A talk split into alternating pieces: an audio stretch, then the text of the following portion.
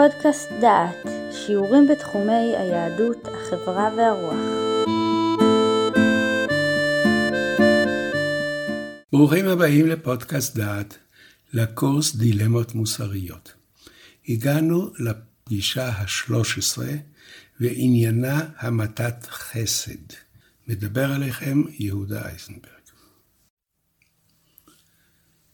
לפני שאנחנו נכנסים לנושא, אני רוצה להציב בעיה ששאלתי אותה כמה וכמה אנשים, ולא לא קיבלתי תשובה שסיפקה אותי, וכנראה שאין תשובה ברורה. והשאלה היא זו, ככל שחברה או מדינה נאורה יותר, כך היא נמנעת מלהרוג בני אדם. רצח הוא דבר פסול, ומדינות נאורות נמנעות בכל מחיר. אתן דוגמה. מדינות נאורות ביטלו את עונש המוות. מדינות נאורות חושבות הרבה מאוד לפני שהן מתקיפות אויב שמתגרה בהם, אם האויב מתחבא בין אוכלוסייה לא מעורבת. הבלתי מעורבים הופכים להיות נושא קריטי בצד המלחמתי, מפני שרוצים ליצור מלחמה כזאת שרק האויב הממשי, רק מי שמתקיף אותך, יהיה זה שייפגע. הדבר הוא קשה, והוא מסכן את הכוח המתקיף. בארצות הברית, התפיסה המוסרית הייתה שכאשר הליקופטר מתקיף את האויב, הוא חייב להתקיף מגובה נמוך. כדי לזהות בדיוק מה הוא מתקיף ולא לפגוע בשאינם לוחמים. אבל אם הוא טס נמוך, הוא מסכן את חייו. הטענה הייתה שראוי שטייס יסכן את חייו, ובלבד שלא יפגע בחפים מפשע. אם כן, זוהי הגישה האחת של החברה הנאורה, להימנע בכל מחיר מהריגה. אבל לחברה הנאורה יש פן נוסף הפוך בדיוק. החברה הנאורה, כפי שנראה בהמשך, מוכנה לקבל את רצונו של אדם למות. והדברים שאנחנו נשמע הן, הרצון של האדם הוא ערך עליון, כבודו של האדם הוא רצונו, ואם חולה אומר אני רוצה למות, צריך הרופא להיות רשאי לתת לו רצפט עם תרופה שכאשר הוא ייקח אותה, הוא ימות. לא ברור לי בדיוק איך הדברים הולכים ביחד, ואני אתן דוגמאות נוספות שהנאורות לא כל כך יודעת מה להגיד בהן. דוגמה ראשונה, נניח שבמדינה מסוימת יש עונש מוות שהומר למאסר עולם. אדם נדון למאסר עולם בסעיף זה, והוא אומר, אני רוצה למות. החיים במאסר עולם קשים עליי יותר מן המוות. החברה תגיד, לא, לא, לא, אתה לא תמות, ישגיחו עליו, ישימו מצלמות, הוא לא ימות. למה רצונו למות פה איננו מתקבל? דוגמה שנייה, אדם התאבד. לפי התפיסה הליברלית, הנאורה, זכותו של אדם להתאבד. מדוע מצילים אותו בכל כוח? הוא התאבד, במה הוא שונה מאדם שרוצה למות ועוזרים לו למות? אדם רוצה להתאבד, הוא מימש את רצונו, לא הצליח לו עד הסוף. תן לו לגמור את הדברים. מה שאני רוצה לטעון זה שהתפיסה המציגה את הרצון לתת לחולה אפשרות להתאבד, היא לא בדיוק תואמת את החלקים האחרים של התפיסה הזאת במסגרות אחרות. אני חושב שדי בהקדמה זו, ואנחנו נעבור עכשיו לשמוע את הדברים כפי שהם בספרות. בטיפול בהמתת חסד נפגוש שתי עמדות. העמדה האחת היא עמדתו של פרופסור רכס, יושב ראש הלשכה לאתיקה של ההסתדרות הרפואית בישראל. הוא דוחף בשנים האחרונות תיקון לחוק החולה הנוטה למות, שיאפשר להמית ברצפט. דהיינו, שיתיר לרופא לתת לחולה מרשם, ובו אפשרות לרכוש תרופה שתגרום למותו. הוא רואה בכך התקדמות הרפואה והתייחסות בכבוד לרצונו של החולה. הנה קטעים ממאמרו. אני קורא עכשיו מאמר של פרופסור רכס, שפורסם בכתב עת זמן הרפואה, גיליון 62, אוגוסט-ספטמבר 2005. שם המאמר הוא גם לצמח יש זכויות. צמח זה השם העממי של אדם שנמצא בקומה, שגופו איננו מגיב, והוא רק חי חיים שאין בהם תוחלת. וכך כותב פרופסור אבינועם רכס. הוא מדבר על מוות של טרי שאיבו בארצות הברית, שמותה הביא לסיומה של פרשה אנושית סבוכה וממושכת. טרי סבלה מדום לב ונזק מוחי, והיא נותרה במצב של צמח 15 שנים. חייה היו תלויים בצינור הזנה, וסביבו התנהל מאבק משפטי בין בעלה שרצה לנתק את הצינור לבין הוריה שהתנגדו לכך. אזרחי ארצות הברית התחלקו לשני מחנות קנאים לעמדותיהם. מצד אחד רפובליקנים, שמרנים ודתיים המתנגדים לניתוק, מאידך גיסא דמוקרטים חילוניים וליברליים הקוראים למלא את בקשת הבעל. המחלוקת הגיעה לקונגרס, בית המשפט התיר לנתק את טרי מצינור ההזנה, והיא נפטרה שבועיים לאחר מכן. מעולם לא הייתה בארצות הברית התנגשות כה עזה בין פוליטיקה, דת ורפואה, אשר זכתה לכיסוי תקשורתי כה נרחב. והוא מוסיף, הצעת החוק החולה הנוטה למות, המונחת עתה על שולחנה של הכנסת בישראל, מקדמת מאוד את זכות האדם על גופו ומקנה מעמד משפטי מחייב לצוואה מחיים, המבטאת את רצונו של אדם לגבי הדרך שינהגו בו לעת מותו. הצעת החוק מתירה שלא להכיל בכפייה חולה כשיר שהביע התנגדות, והכל בתנאי שהוא נוטה למות וימיו ספורים. חוק זה אינו עוסק בחולה שאינו נוטה למות, לפיכך קשה ליישב לאורו את פרשת שאיבו שהוזכרה לפני דקות, שהיא יכלה לקבל מזון, אבל היא הייתה במצב של צמח. חברי הלשכה לאתיקה של ההסתדרות הרפואית הקדישו לסוגיה מספר ישיבות, והם התירו להפסיק הזנה לחולה הנמצא במצב וגטטיבי, זאת אומרת, הוא במצב של צמח, מתוך השקפת עולם הרואה בכך מיתת חסד פסיבית, שאינה מתערבת במהלך הרגיל של המחלה. והוא ממשיך, חשוב להבהיר כי נייר עמדה זה בא להשפיע על התהליך החברתי ועל עמדת המחוקק בסוגיה רגישה זו. בפסק הדין בעניין הגברת גמליאל לובסקי, שהייתה במצב של צמח, התיר השופט משה טלגם ז"ל בתפקידו כסגן נשיא בית המשפט המחוזי דאז, שלא להאריך את חייה באופן מלאכותי ולהפסיק את ההזנה המלאכותית שבה ראה טיפול עקר. דעתו אז הייתה כי לא הפסקת הטיפול תגרום למותה של החולה, אלא מצבה החולני הסופני. המדינה ערערה על פסיקה זו, ובית המשפט העליון הפך בהחלטתו ביום 30 לחמישי 1999 את החלטת בית המשפט המחוזי. שופטי בית המשפט העליון סברו כי לא הוכח במידה מספקת שהחסויה הסכימה מראש שיפסיקו להזינה. כמו כן סברו השופטים שלא הוכח מבחינה רפואית כי מצבה בלתי הפיך.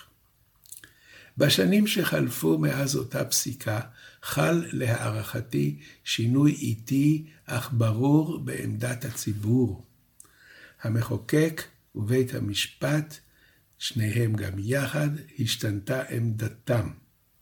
דעת החולה ומשפחתו נשמעת היום יותר מבעבר, והנכונות לבוא לקראתם ברגעים קשים אלה גדולה מבעבר. אני מקווה כי נייר עמדה זה יחזק מגמה זו ויאפשר לנו, הרופאים, לקבל הכרעה קשה זו של הפסקת ההזנה בחסות החוק. בשולי המאמר של פרופסור רכס יש ההחלטה של הלשכה לאתיקה של ההסתדרות הרפואית.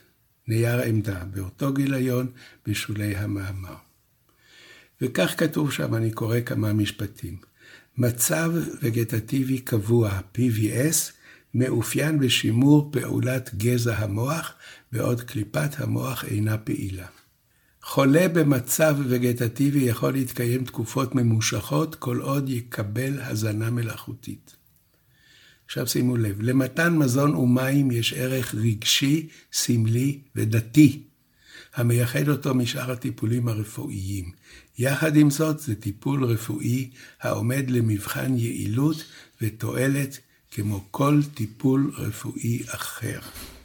טיפול רפואי שאינו מביא כל תועלת לחולה ב-PVS, מותר להפסיקו, אם זה רצונו של החולה, כפי שהוא נתן לכך ביטוי קודם, או על פי בקשת נציגו המוסמך על פי חוק, וממשיכים לכתוב, יש לפעול ברמה הלאומית להקים ועדות אתיות בקהילה על מנת לענות על צורכי אותם חולים המטופלים במסגרת ביתית. אם כן, יש פה נייר עמדה שהוא בעצם הבסיס של המאמר שקראתי באוזניכם על דבריו של הפרופסור רכס, היכולת להמית על פי רצפט.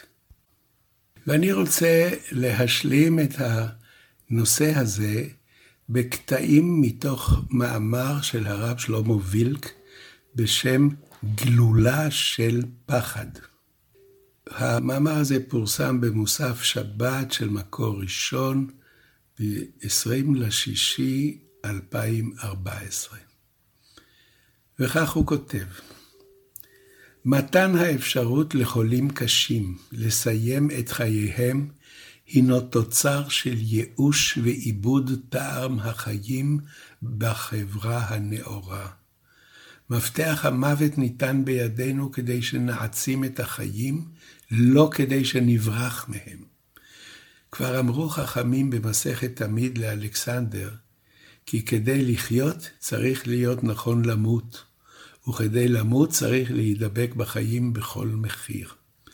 את דברי הגמרא הזאת ציטט ביודעין ובלא יודעין מרטין לותר קינג בנאומו בדטרויט בשנת 63 באומרו אם אדם לא מצא למען מה ימות, אדם כזה אינו ראוי לחיות. ואולי כולם למדו מסוקרטס שאמר, אדם שחי את חייו בשיקול דעת ובצדק, אל לו לחשוש מן המוות. זה מופיע בפיידון. יהודים מעולם לא ששו למות, אך הנכונות למסור את הנפש הפכה את החיים היהודיים לחיי יצירה וקדושה ומסירות איש לרעהו ואיש ליעדו. הגויים שמסביב ששו למות בחושבם כי המוות ההירואי עדיף מן החיים. בעוד אנו האמנו כי החיים עדיפים מן המוות. לפני שלוש שנים, כותב הרב וילק, הייתה אחותי על ערש דווי. כמה שנים קודם הייתה זו אמי. השפע האלוהי של החיים זרם אליהם דרך מחטים של מורפיום וצינורות אינפוזיה וכימותרפיה. כך אלוהים בחר להעניק להם את חסדיו ברגעיהם הקשים. והן, שהיו צלולות וסבלו ייסורי תופת, הישירו מבט וניצחו את המוות, משום שמשימתו המרכזית של מלאך המוות ממש כמו אחרון הטרוריסטים, היא להפחיד, והן לא פחדו. אומרים לנו שמעטים משתמשים בגלולת המוות, אבל איש לא יכול למדוד את הנזק הרוחני של חברה המלמדת את אנשיה, כי במנהרות החשוכות של החיים אפשר לוותר על התקווה ולהרפות. וכמה יוותרו, וכמה יחיו חיים של פחד, ואיך נתייחס לזקנה ולסבל, ומי יגלה עוד חמלה, ומי יסכים עוד למסור את הנפש, להישיר מבט אל המוות ולהסתער באמונה, כי רק הפחד מהמוות הוא שפל, לא המוות והסבל עצמם. איך הם מעיזים, הרומנטיקנים של המוות, לומר כי הנוטה למות, שפיו מלא ריר וכולו פצע, חייב בניבול ועליבות? כיצד צריכים המטפלים להתייחס לאלו שלא יבחרו בגלולה? כיצד נחנך את ילדינו להמשיך ולהתנדב בזיכרון מנחם או בארגונים למען הקשישים והחולים, כשהחברה מלאה גועל למראם וקוראת להם מנוולים? עלוב הוא זה המעודד את הנוטה למות להתאבד, ובעצם מתן האפשרות לכך, בני משפחתו של הנוטה למות יתייחסו אליו בגועל וללא חמלה. ומה עם הצוות הטיפולי שירגיש כי הנוטה למות הוא נטל, והטיפול בו מגדיל את עליבות חייו ואת ההוצאה הרפואית? איני רוצה לסבול ואני מעדיף למות על מיטתי בשלווה בבוא יומי. איני רוצה שיעריכו את סבלי בטיפולים מיותרים. אולם אם יבחר בורא העולם לסיים את חיי בדרך נוראה שכזו, אני מקווה כי הסובבים אותי ינחמו אותי וייתנו לי כוח ותקווה. אני מקווה כי הם לא יראו בנשימותיי האחרונות חיים של ניבול וחוסר אונים, אלא רגעים של עוצמה. שלא יראו פחד ולא ישדרו פחד, אלא נחישות. וגם אם אשבר ואעדיף את המוות, יספרו לי יקיריי על אהבתם וחסדיהם. יאמרו מילות טובות של נחמה, וייתנו כוחות להתמודד עם המלאך שנתן משמעות למאה ועשרים שנותיי, מלאך המוות. מדינת ישראל מצטרפת אל המדינות הנאורות בדרכן לביטול האדם והחיים. עידן האדם מסתיים בקול ענות חלושה, בגלולת מוות ההופכת את הסבל למיותר ואת המאבק למען החיים לעלוב. בסוף נהיה שלמים, בריאים, נטולי קשיים ומלאים בהנאות החיים. וכל מי שיעז לא להיות מאושר, יפה ועשיר, יצויד בגלולת מוות, וישלח בבכי של בני משפחתו אל מותו, ואל מותה של חברה שאיבדה את דרכה. יהודים אינם אומרים שהחיינו על סבל ומוות, אלא מקבלים עליהם את הדין. איננו שמחים בחיים של סבל, וההלכה אפילו מתירה להתפלל על החולה שימות. אולם אנו מאמינים כי הנשיאה בסבל היא מותר האדם מן הבהמה, ולא רק אצל האדם היודע לשאת את סבלו בגאון, אלא גם אצל שכנו היודע לעמוד לצידו ולסייע לו בכאבו. ברגע שבו הוקמה המדינה והוסרה האחריות הסוציאלית מן השכן אל הביטוח הלאומי, מן הסולידריות אל הביורוקרטיה, איבדנו את החמלה. עתה רוצה המדינה להסיר את שרידיה האחרונים של האהבה והחמלה. לסלק את הסבל והכאב הנורא, ולומר למעשה לחלש ולחולה, כי איננו יכולים לשאת בסבלם, ואיננו מעוניינים להקל מעליהם את מסע החיים. זו האמת. לא החולה הוא זה שלא מסוגל לשאת בסבל, אלא אנחנו, בנפשנו הרגישה, מעוניינים לסלק את הסבל מלפנינו. נפש רגישה של תליינים. בשוויץ, שבה מתקנאים כמה מן המחוקקים הישראלים, מותר לסייע ביד כל אדם להמית את עצמו, כל עוד הוא מודע למעשיו. זה יהיה הצעד הבא שלנו, ללא ספק, שהרי חיים עלובים אינם נחלתו של החולה הסופני בלבד, אלא של מסכנים רבים. אבן היסוד בטבע היא הדחף לחיות, ואנו הולכים ושוחקים אותה ומציעים בפני אנשים דרכים לבריחה. פעם הזדעזענו מהמנהג האסקימוסי לשלוח את הזקנים אל מותם, והיום אנו שולחים אל המוות את יקירינו. אני נבעט מפני המחשבה על משפחה שיושבת שבעה לאחר שנתנה ליקירה את גלולת המוות. לא רק שמדובר במתאבד, אלא גם במי שנטל את חייו של אביו, אמו או אחותו, ויושב שבעה עליהם. דומני שאיש מן הפוסקים לא נתן את דעתו על בן היושב שבעה על אביו לאחר שרצחו במזיד. ועתה מצא השטן מעשה נורא מזה להביס אותנו. אני קורא עכשיו באוזניכם קטעים ממאמר של ישעיהו לייבוביץ' בשם על המתת חסד. באיזו מידה רשאי אדם ליטול נפשו של הזולת מתוך כוונה טובה? כשאינו מנסה או רוצה או מתכוון לרצוח, אלא בדעתו להקל על מצוקתו, כאבו וייסוריו של הזולת. לשון אחר, לרצוח מתוך רחמים, או מתוך ההכרה שמותו של אדם זה טוב לו מחייו.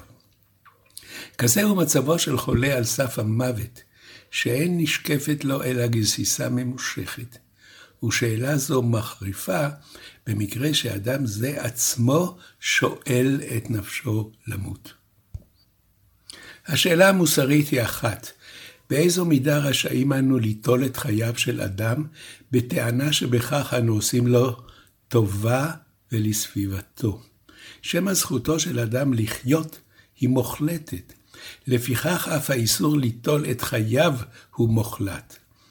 השאלה מחריפה לגבי הרופא. מתי מותר לו, או שמא אף חייב הוא, להפסיק את הטיפול. על כך מתווספת שאלה מטאפיזית.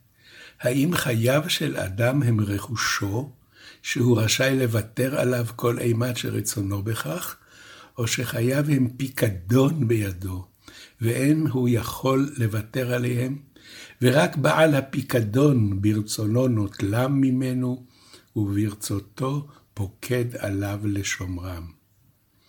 אם יעלה מישהו את השאלה האם כדאי לקיים את חייו של אדם שהיה לצמח, תתחייב מיד כתשובה השאלה, מהי הכדאיות של חייך, אדוני? הלא לעצם קיומו של אדם אין שום הנמקה רציונלית.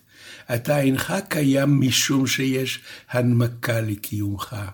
אתה קיים משום שאתה קיים. אם יגיד אדם, בתנאים ובנסיבות שבהם ניטל מן החיים ערכם, והם הפכו לסבל, בטל האיסור, אציג לו את השאלה, מדוע אסור לי ליטול את חייך הנראים לי חסרי ערך? בזה הגענו לבעיית המתת חסד. אדם עשוי להימצא במצב שבו, לפי הרגשתי, הטוב בשבילו הוא מותו, ושאני רשאי, ואולי אף חייב, לסייע לו למות. אולם חושבני שאיני רשאי לפעול על פי הרגשה זו, משום שבזה אני מערער את יסודות קיומנו בצוותא. אם מדובר בהמתת חסד, יש לשאול, חסד עם מי? יצור אנושי נמצא במצב שבו הפך לצמח, ועל כן נעשה למועקה על כל סביבתו. אין כאן מובן לטענה שנגמול חסד עמו, אם נתיר לעצמנו לחסל את חייו, שהרי הוא עצמו כבר נטול הכרה ותודעה. אבל אין ספק שנעשה חסד עם עצמנו, בשחררנו את עצמנו מן המועקה הפיזית והנפשית, שהמשך קיומו של יצור זה גורם לנו. מכאן הסכנה האיומה שבתוצאות של החלטתנו זו. אם אנו מבטלים את ההנחה המוחלטת, הבלתי מנומקת, שאסור ליטול חיי אדם, אם אנו מוצאים נימוקים לצמצמו ולהגיד, בתנאים מסוימים נטילת חיי אדם אינה פשע, אלא מעשה חסד, ניתן לצפות מראש את התוצאות. פתאום יתברר לרבים שהעולם שורץ יצורים אנושיים שבחיסולם יש מעשה חסד. ההונאה העצמית, לעתים הכנה, שהם מתכוונים לגמול חסד ליצורים העלובים ההם, תחפה על הדחף לגמול חסד לעצמם על ידי חיסולם של אחרים, שקיומם מפריע למחסלים או מעיק עליהם. לפיכך אני אומר, גם אם התגובה הרגשית הכנה שלי על מצבים מסוימים, שבהם מצויים בני אדם מוכי גורל הוא, שטוב מותם מחייהם, אסור לו להישמע לרגש זה. אפשרות קיומנו האנושי בצוותא מותנית בכך שלא ניגע בהנחה של איסור נטילת חיי אדם. יש המנסים למצוא הצדקה להמתת חסד במקרים מסוימים על סמך הבחנה בין סוגים שונים של מועמדים לכך. מי שהגיעו לסוף החיים במובן הביולוגי של המילה, הסובלים סבל גופני או סבל נפשי שאין לסייתו, הנראים לנו פגומים מבחינה אנושית או חברתית, ולקבוע לפי זה את יחסינו למיתתם. חוששני שלא תיתכן כאן הבחנה חדה. יש מי שכשל כוחו לסבול מחושים גופניים קשים, ויש בריא שנמאסו עליו החיים מסיבות הנעוצות בביוגרפיה שלו. זה וזה מבקשים את נפשם למות. אם לגבי הראשון נאמר, חסד הוא לשחררו מייסוריו, מה נאמר לגבי השני? אף על פי שאני חש שקיים הבדל בין המצבים השונים, אין התחושה הזאת יכולה להנחות אותי, משום שאינני יכול לקבוע בדיוק את הגבול. שמעתם שיעור מתוך הקורס דילמות מוסריות, מאת פרופסור יהודה אייזנברג. את הקורס המלא וקורסים נוספים תוכלו לשמוע באתר דעת במדור פודקאסט.